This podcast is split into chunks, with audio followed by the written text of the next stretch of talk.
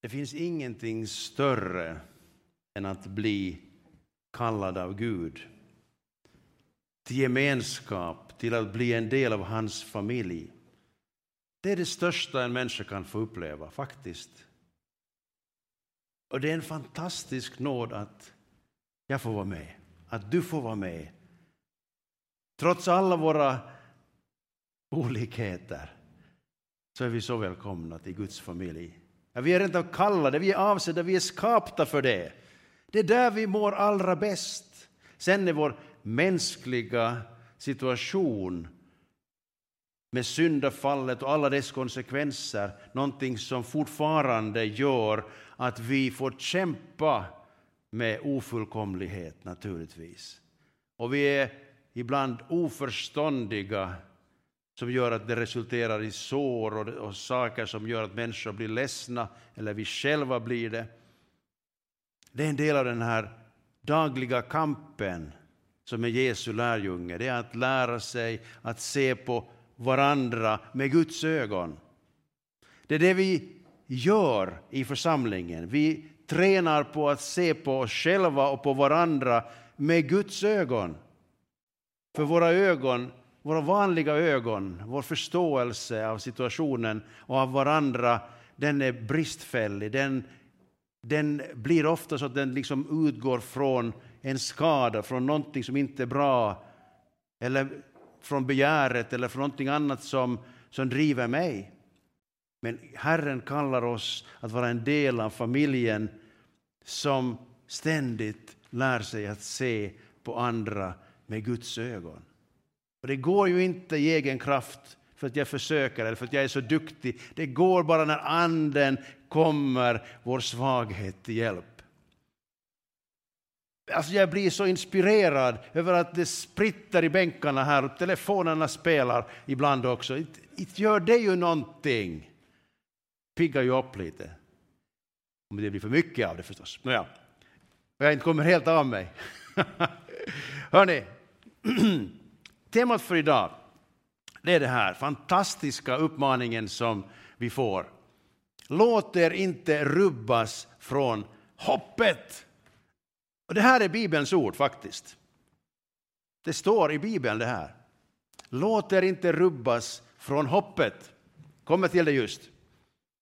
Men jag tänker så här. En församling, en samling av tro, Jesus troende människor ska verkligen få betyda någonting. Och i en värld där det är så mycket oro, så mycket faror, så mycket hemskt som händer så är det så lätt att tappa hoppet. Och ändå så skriver ju Bibeln väldigt mycket om hoppet. Och eh, den här världen behöver hopp. Den här mäns människorna i Sibbo behöver uppleva hopp. Och det är så mycket kriser och så mycket hotbilder. Det är så mycket konstigheter som händer som vill röva oss från hoppet. Jag tänker att det här, när vi talar om församlingen, så vill åtminstone jag att det ska finnas mycket hoppfullhet i församlingen. Och jag tänker på våra barn och barnbarn. Ska inte de få ha, uppleva hopp i sitt liv när de tänker framåt? Att det finns något att se fram emot, det finns något att hoppas på. Det är inte bara, inte bara klimatkris och ekonomisk kris och eh, hälsokris och, och ni vet relationskris och så vidare. Det finns nog kriser så det, ja, det räcker till. Som rövar ifrån oss glädjen, friden och hoppet. Jag tänker mig en församling, att det är min vision för den här församlingen och för alla församlingar, att det ska vara fullt av hopp.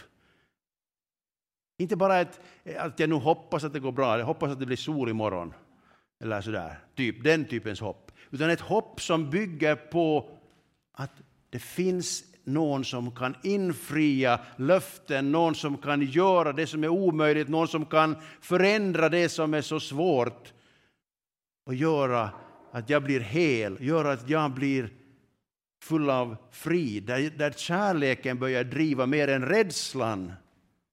Jag tänker att den här bilden råkar nu passa ganska bra när man talar om hoppet. Eh, vi har ju våra tonåringar som träffas här varje eftermiddag, tisdag eftermiddag.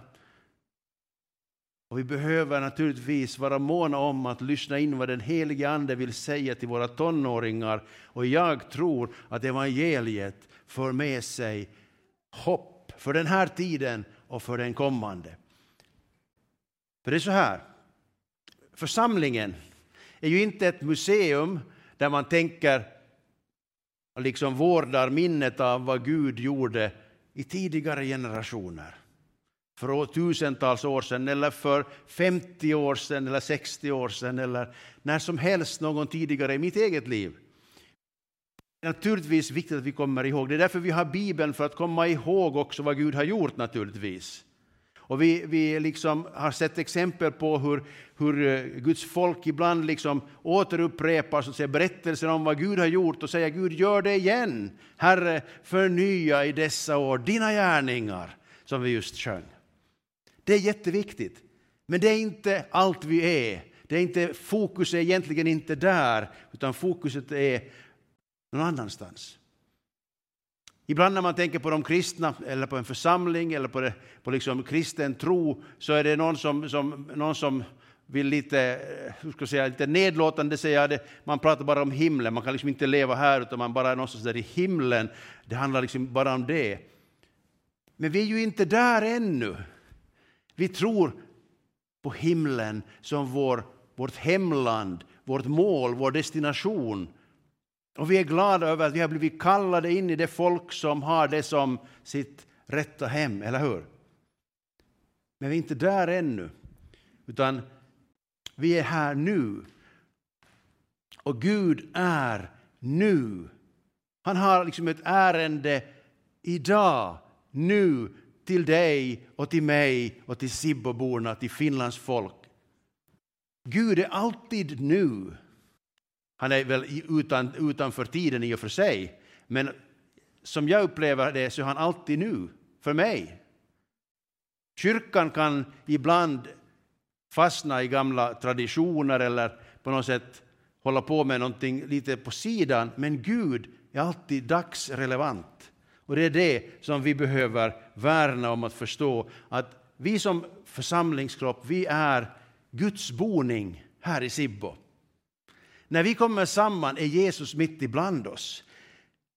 När vi vandrar omkring så, så är den helige Ande med oss i Sibbo, på Stora byvägen eller Boxvägen eller Pajpisvägen eller hemma hos oss är Gud närvarande nu. Han är inte långt borta från någon av oss. Han är här och han är nu. Jag försöker nu säga det väldigt enkelt och väldigt tydligt och jag hoppas att du förstår vad jag säger, och tar emot det här, att Gud är nu. Till det hör då att Gud nu har ett ärende till Sibboborna. han, har, han har varit här, om ni tittar på era medlemskort som ni fick här nyss, så, så, så har ni något nummer på 700 någonting. Så det har hänt någonting här tidigare, bara i den här församlingen, förutom att det har hänt i andra församlingar i Sibbo. Men det har hänt förut att Gud har kommit och talat in i människors hjärtan att hej, jag är till för dig, du är till för mig. Du behöver mig. Och jag vill att du ska veta att jag alltid är med dig. Det är många människor som har upplevt Jesus i Sibbo. Genom åren. Men Gud han är intresserad av dig och Sibbaborna idag och imorgon också.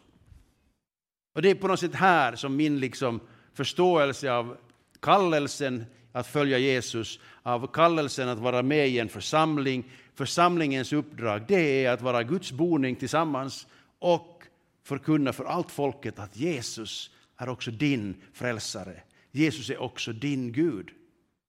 Och Jesus kan förändra ditt liv och ge dig hopp. Okay?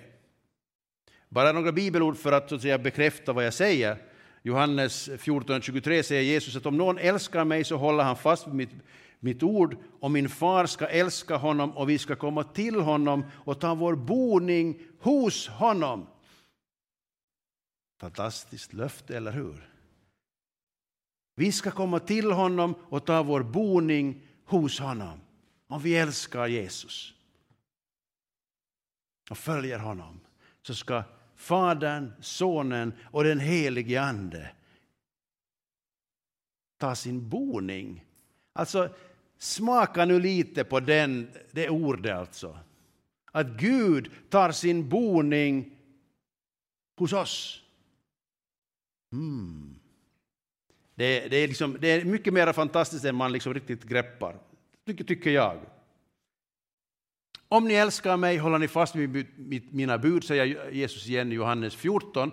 Vidare, eller tidigare där, jag ska be Fadern och han ska ge er en annan hjälpare som ska vara hos er för alltid, sanningens ande. Världen kan inte ta emot honom, för världen ser honom inte och känner honom inte. Ni känner honom, för han ska förbli hos er och ska vara i er. Jag ska inte lämna er faderlösa, jag ska komma till er, säger Jesus.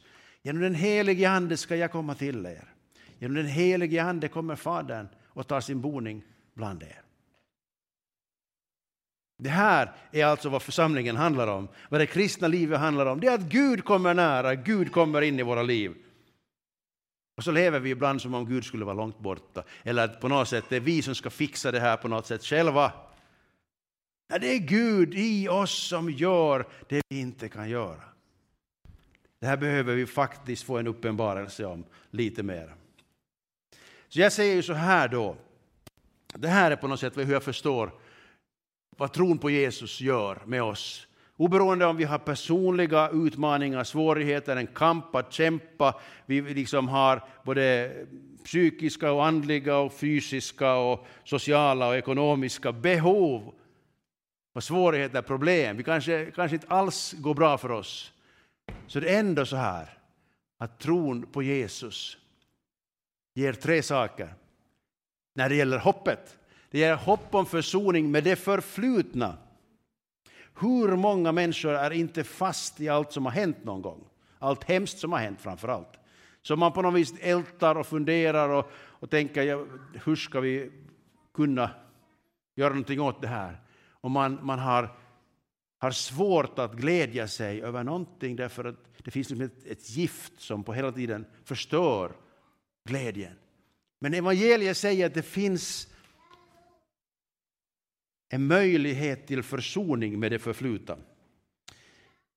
Vi har också ett hopp om att Gud kan vara närvarande, det var det jag lite sa här.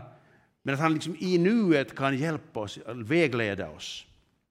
Och så har vi ett hopp om en välsignad framtid tillsammans med Gud både här och i evigheten.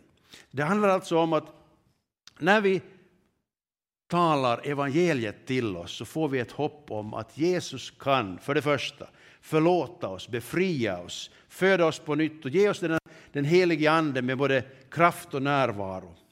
Att Jesus är den som kan göra det som inte vi kan och att ingenting kan skilja oss från hans kärlek och att han kommer att fullborda det goda verk han har påbörjat i oss. Det allt handlar ju om honom. Paulus han säger ju så här i Filipperbrevet 1 och 6. Jag är övertygad om att han som har börjat ett gott verk i er också ska fullborda det till Kristi Jesu dag. Gud som har börjat ett gott verk i dig, han är också liksom överlåten till att fortsätta den här processen i dig. Med sin närvaro, med sin helige Ande, med sanningens ord så ska han steg för steg låta dig börja se med Guds ögon. Det gör en stor skillnad, eller hur? Och här har vi då det centrala ordet i dagens predikan från Kolosserbrevet 1, 22-23.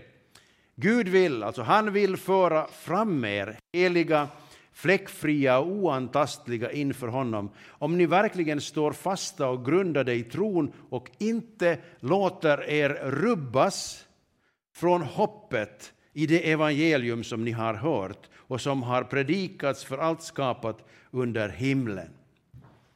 Det finns alltså ett hopp i evangeliet som vi kan liksom bli fasta i, som på något vis kan bli grunden för vårt liv, som gör att vi inte skakar när andra skakar av rädsla eller av oro, därför att vi har förstått att Gud är med oss och Gud har tänkt ta oss vidare genom vad som än kommer emot oss. låter alltså inte rubbas från hoppet. Vi tar de här tre delarna en gång till. Det finns alltså ett hopp om att försonas och kunna släppa det, försonas med det förflutna och släppa det. Och jag tänker då på, på rövaren på korset. Den här ena rövaren som sa till den andra att eh, vi är här på grund av vad vi har gjort. Vi får vårt rätt, liksom, rättvisa straff. Men Jesus har ju inte gjort någonting, han borde inte vara här.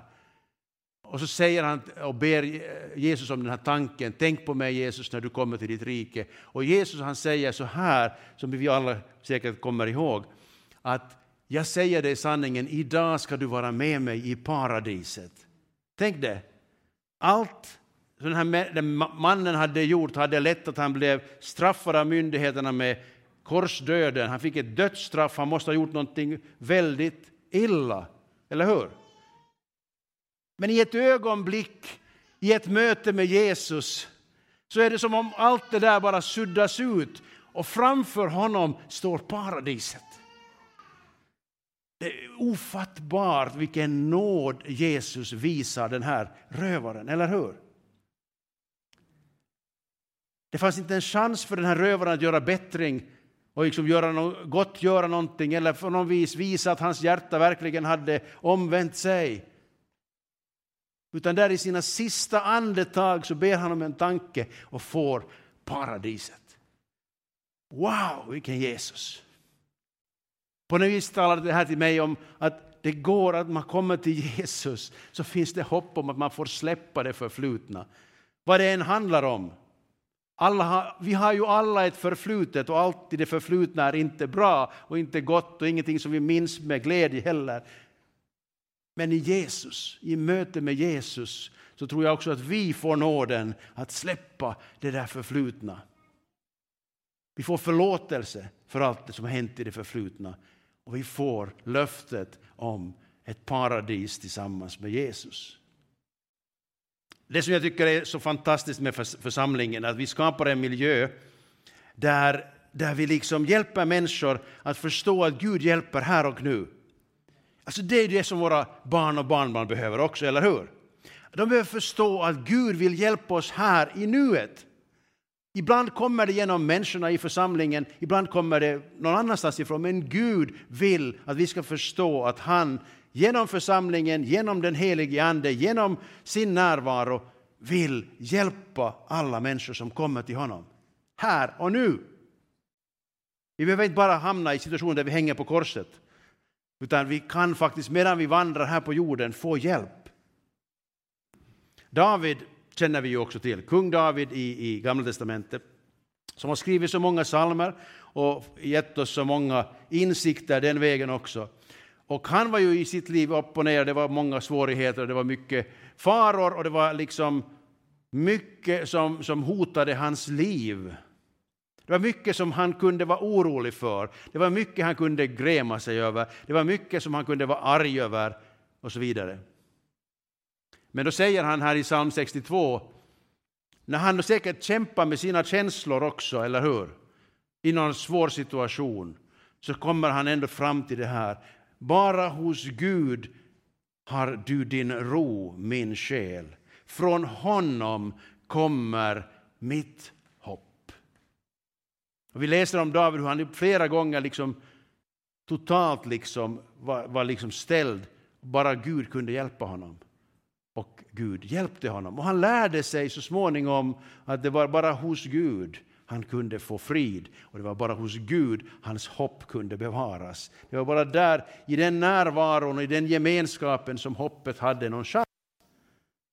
Så när det såg som mörkast ut så hade han ändå kvar sitt hopp hos Gud. I Romarbrevet 15 och 13 så skriver ju Paulus då så här. Må nu hoppets Gud fylla er med all glädje och frid i tron så att ni överflödar i hoppet genom den helige Andes kraft. Ska vi ta det som en målsättning den här hösten att vi skulle liksom överflöda i hoppet? Därför att vi har med hoppets Gud att göra. Det är han som är närvarande. Om han kan hoppas, då kan vi hoppas, eller hur? Om han liksom kan hjälpa oss att se vad han har tänkt och vad han planerar så får vi ju förstå att det finns en väg framåt. Överflöda i hoppet genom den helige Andes kraft. Vi behöver alltså vandra i Anden, vi behöver be om den helige Andes närvaro och tilltal. Vi behöver be om den helige Andes kärlek, frid och glädje och hopp, eller hur? I oss själva finns det inte så stora vad heter det, behållare med hopp och allt det där andra goda. Framtids, vi har en väldigt välkänd text här från, från eh, Jeremia, när, eh, på 600-talet när, när folket var i trångmål. Eh, det var hot från många håll och de här stormakterna slogs om, om, om Israel också och förde bort folk i fångenskap till Babylon och allt möjligt hände. Men i alla fall så kommer profeten och säger ett budskap ifrån Herren med mycket hopp som ju säger så här då att jag vet vilka tankar jag har för er, säger Herren, nämligen fridens tankar och inte ofärdens tankar för att ge er en framtid och ett hopp. Ni ska kalla på mig och komma och be till mig och jag ska höra er. Ni ska söka mig och ni ska också finna mig om ni söker mig av hela ert hjärta. Så det finns liksom på något sätt en koppling till det här. Jesus vill ge oss en framtid och ett hopp naturligtvis tillsammans med honom när vi med uppriktiga hjärtan söker oss nära honom, att vi bjuder in honom. Och jag menar, är det någonting som församlingen handlar om så det handlar om att skapa de här miljöerna, de här mötesplatserna mellan Gud och människa. Där vi påminns om vad Gud har lovat oss, där vi påminns om vad han säger till oss, där, han, där vi blir liksom, eh, kommer in i en, i en atmosfär där den helige Ande kan nå oss på något sätt och tala till oss på något sätt. För jag menar, det finns så många som, som blåser ut ett helt annat budskap. Och vi församlingarna behöver bli allt tydligare med att tala ut Guds budskap. För folket behöver det. Människan behöver det. Människorna i Sibbo behöver höra att det finns en Gud som kan ge dig en helt annan framtid än vad du själv verkar vara inne på just nu. Och när vi talar om det här så är det alltid Gud som är garanten för att det ska gå bra, eller hur? Så fort vi börjar tro att nu har vi blivit starka, nu börjar vi nog klara det här själva. Ja, Gud, tack ska du ha, nu, nu klarar vi oss. Så då är det nästan som man snubblar och faller i, i diket direkt.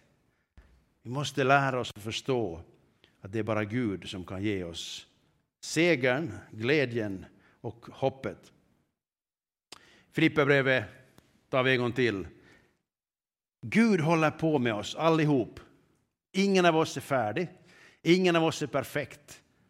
Men vi är alla i Guds, liksom, eh, vad ska vi säga, degtråg. Han knådar på oss. Eller på vad, ler, vad heter det, han använder själv den här krukmakar drejskivan där han formar oss. Så går det åt skogen så börjar han om igen, eller hur? Det är ju den här bilden av Guds verk i oss som vi behöver bära med oss. Att Gud tappar inte modet, han tappar inte hoppet, han ger inte upp med oss. Även när vi själva tänker att nu är det snart slut, så har han fortfarande ett varv till på drejskivan. Så jag vill, jag vill se församlingen präglad av eh, hopp. Alltså vi kan tala, tala om Betania som hoppets församling, eller vad? En hoppfull församling och en församling som är fylld av glädje, fylld förväntan. Hej. Låt smaka på det. Smakar inte bra. Ja, det blir nog bara sämre. Jag blir bara äldre. Åh, snart är det slut. Ja, det, inte, det var inte riktigt den tanken jag försökte förmedla här nu. Gud, han jobbar med oss så länge vi andas och lever. Och han har alltid något nytt och fräscht för oss. Och han vill att nya generationer ska få höra om, sin, om den här frälsningen, den här närvaron, den här kraften som finns i Jesus. Oj, oj, oj. Fantastiskt. Tänk att du får vara med i det här. Det är en stor nåd att ni får vara med. Inte från vår sida, men från Guds sida är det en fantastisk nåd att han bara säger kom, kom, kom.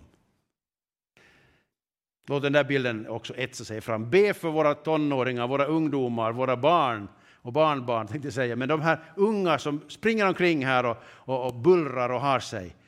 Vi ska be att de får tag i hoppets Gud, hoppets församlingsgemenskap och hoppets fyllt, hoppfyllt liv. Därför att den helige Ande är närvarande och hjälper dem. Både med det förflutna, med nuet och med framtids liksom, förväntningarna. Är det någon som vill säga tack Jesus? Nåja, nu börjar det lossa här. Nu börjar det lossa. Alltså jag, jag tror vi behöver liksom peppa varandra att säga Gud har någonting bra för oss. Gud han jobbar med oss. Han kommer att föra oss genom det här. Det är jobbigt nu kanske, ja, men vi går med Gud och han kommer att förse, han kommer att hjälpa, han kommer att öppna, han kommer att visa. Och eh, jag menar, för mig är ju, är ju liksom, jag är ju så här lite församlingsledare också ibland. Och där, på något sätt så är på, på mitt hjärta förstås det att församlingen ska må bra och frodas och blomstra och växa. Och så märker jag att nja, det finns ju inte alltid alla resurser som man skulle vilja att ska finnas. Framförallt ibland så finns det liksom inte tillräckligt med människor för olika uppgifter. gun du känner till det här. Eh, och det går i olika vågor naturligtvis det där också. Men, men redan för många år sedan så, så, så började vi i alla fall be om att Gud skulle sända arbetare till församlingen, till sin församling, till det verk som han vill att ska hända och ska göras här i den här trakten. Och eh, jag tycker att eh, jag har fått svar på bön. Eh, och jag tror att han kommer att fortsätta att skicka, han ger till församlingen gåvor. För att vi ska bli bättre rustade också för att ta emot nya människor. Eh, idag har vi tagit emot människor som är garvade och med, mogna människor i tron och, och så vidare bortåt. Men vi kommer också att få ta emot människor som inte är så långt hunna, kanske tar sina första stapplande steg. Och då behöver den här gemenskapen vara full av liksom generositet och barmhärtighet och vilja att hjälpa till och gå med en bit på vägen. Eller hur? Det behövs vi alla. Och då behöver vi kunna förmedla att det finns hopp också i en knepig situation, också när det är svårt. För Jesus, han är en fantastisk frälsare. Han befriar från synden. Han befriar från oron. Han befriar från ensamheten. Han befriar från en framtid utan hopp. Och så ger han istället gemenskap. Han ger förlåtelse. Han ger helande och upprättelse. Och han ger en framtid. och välkomnar dig in i våra liv och i vår gemenskap. Och nu ber jag att vi ska tro på det här, att vi ska förstå det här och att vi ska leva i det här. Tack för att du vill ge oss hopp idag. Därför du är den som har makten. Det är du som har oss i din hand. Det är du som kommer att fullborda det som du har börjat i våra liv. Tack för att du inte ger upp, Herre. Tack för att du inte blir trött på oss. Tack för att du inte tänker att det är hopplöst, för du vet att du kan föra oss ända fram. Tack, Herre, för att du är hoppets Gud. Amen.